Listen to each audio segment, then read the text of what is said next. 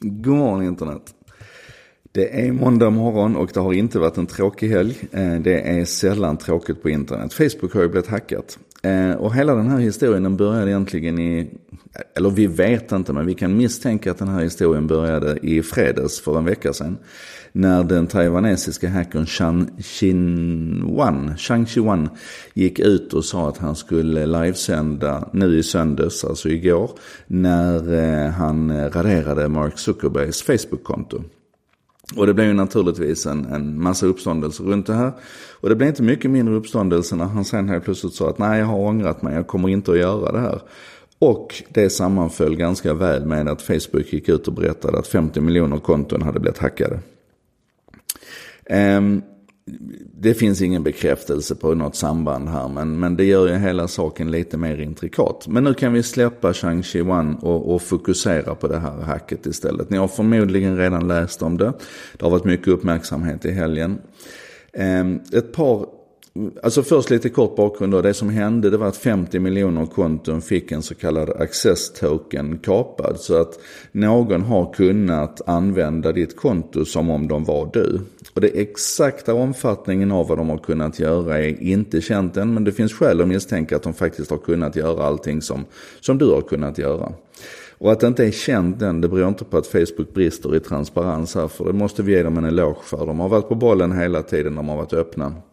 Eh, utan det är helt enkelt att det är så avancerat att försöka förstå de här intrången så att eh, det tar tid att reda ut det. Men vad vi vet är hur det gick till i alla fall. Och det är alltså tre stycken buggar, tre stycken misstag. Inte, inte illasinnat och egentligen inte feltänkt utan tre stycken buggar som sammanföll. Och när man liksom kopplade ihop de här tre buggarna och, och hade ett vicious mindset och var lite elak och ville busa så kunde man alltså extrahera sådana här access tokens då ifrån 50 miljoner användare. Och det kan man se att det har gjorts. Um, och det här är naturligtvis allvarligt men ett par tankar som, som, som slår mig då det är att för det första skalan här kanske. 50 miljoner användare, det är ju sjukt mycket. Ja, sen tog man 40 miljoner användare till och, och säkrade upp också. Men där har man inte sett att det har skett något intrång. Men så här, 50 miljoner användare, det är sjukt mycket. Samtidigt är det 2% av, av Facebooks användarbas. Drygt 2% av Facebooks användarbas. Man pratar om ungefär 2,4 miljarder aktiva användare. Och det är sånt här, det är sånt här bisarrt perspektiv på något vis. att det största dataintrånget de har haft någonsin. 50 miljoner användare och det är fortfarande bara 2% av, kod, alltså av, av användarbasen. Då, då förstår man liksom hur, hur stort det här är. Den andra tanken det är just tillbaka till den här komplexiteten i de här systemen. Eh, jag har inte sett någon aktuell uppdatering nu på hur många rader kod Facebook består av och hur många, hur många olika komponenter det är så att säga som samverkar varje gång du gör en inloggning på Facebook eller varje gång du gör en aktivitet på Facebook. Men det är alltså, det är ju, det är ju naturligtvis oerhört komplexa system. Och då blir det lite grann, jag tror Mark Zuckerberg i, i ehm, sin öppna eh, presskonferens här i helgen, att, att han beskrev det själv som en, en terrorbalans lite grann. Alltså eh, medel och motmedel hela tiden. Det är en ständig jakt. Vi kommer att behöva uppleva sådana här, såna här tabbar.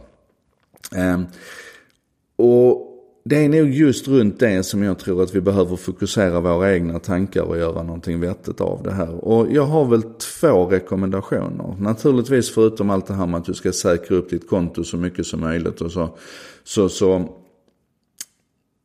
Två saker vill jag du ska göra. Det ena är att när sånt här händer så ska du alltid förhålla dig lite skeptisk till information som far omkring. Till exempel så gick det ett rykte i helgen här nu om att Facebook blockerade den som ville informera om den här buggen. Att Facebook eh, Eh, om den här säkerhetsbristen att Facebook blockerade de posterna. Eh, vilket helt enkelt bara visade sig bero på att det var så många som postade samma länkar så att Facebooks spam eh, funktion kickade in. Så det var inte alls så att Facebook försökte se till att du inte skulle kunna berätta om just det här utan det var helt enkelt spamfiltret som kickade in.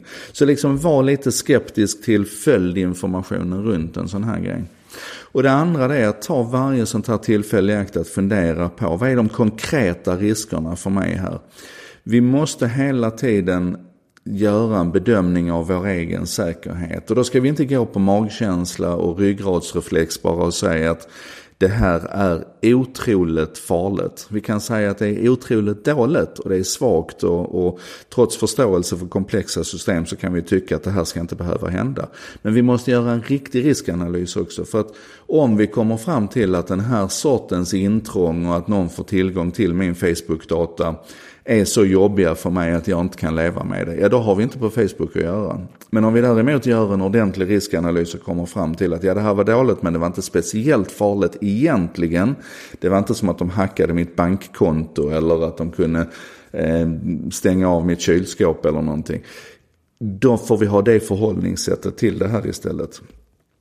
Um, så, så, att vi liksom klurar på det där. Sen det tredje vi kanske kan klura på det är rent generellt det här med skala. Jag nämnde ju 2% av användarbasen. Det finns en annan aspekt här och det är att det nu pratas om att Facebook kommer att få böta för det här. Ehm, eller kanske inte, man informerade tidigt om det så man kanske slipper undan böterna. Men i alla fall, man kan böta upp mot 1,4 miljarder euro för det här då.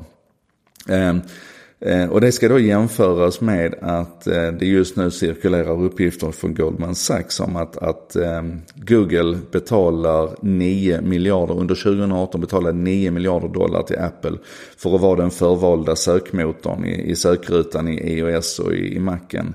Eh, och att, eh, nu ska vi se, det var 9 miljarder, jag tror man sa 12 miljarder. Just det, att man siktar på att det kommer att ligga på 12 miljarder dollar 2019. Ehm, så att det finns en economy of scale här som inte är helt oväsentlig. I alla fall. Starta huvudet, alltid. Så fundera på information och desinformation och gör sen utvärderingen i efterhand. Är det här farligt eller är det bara dåligt? Viktigt att tänka på. Det här var en sak idag. Jag heter Joakim Jardenberg. Tusen tack för att du hänger på och så ses vi igen imorgon.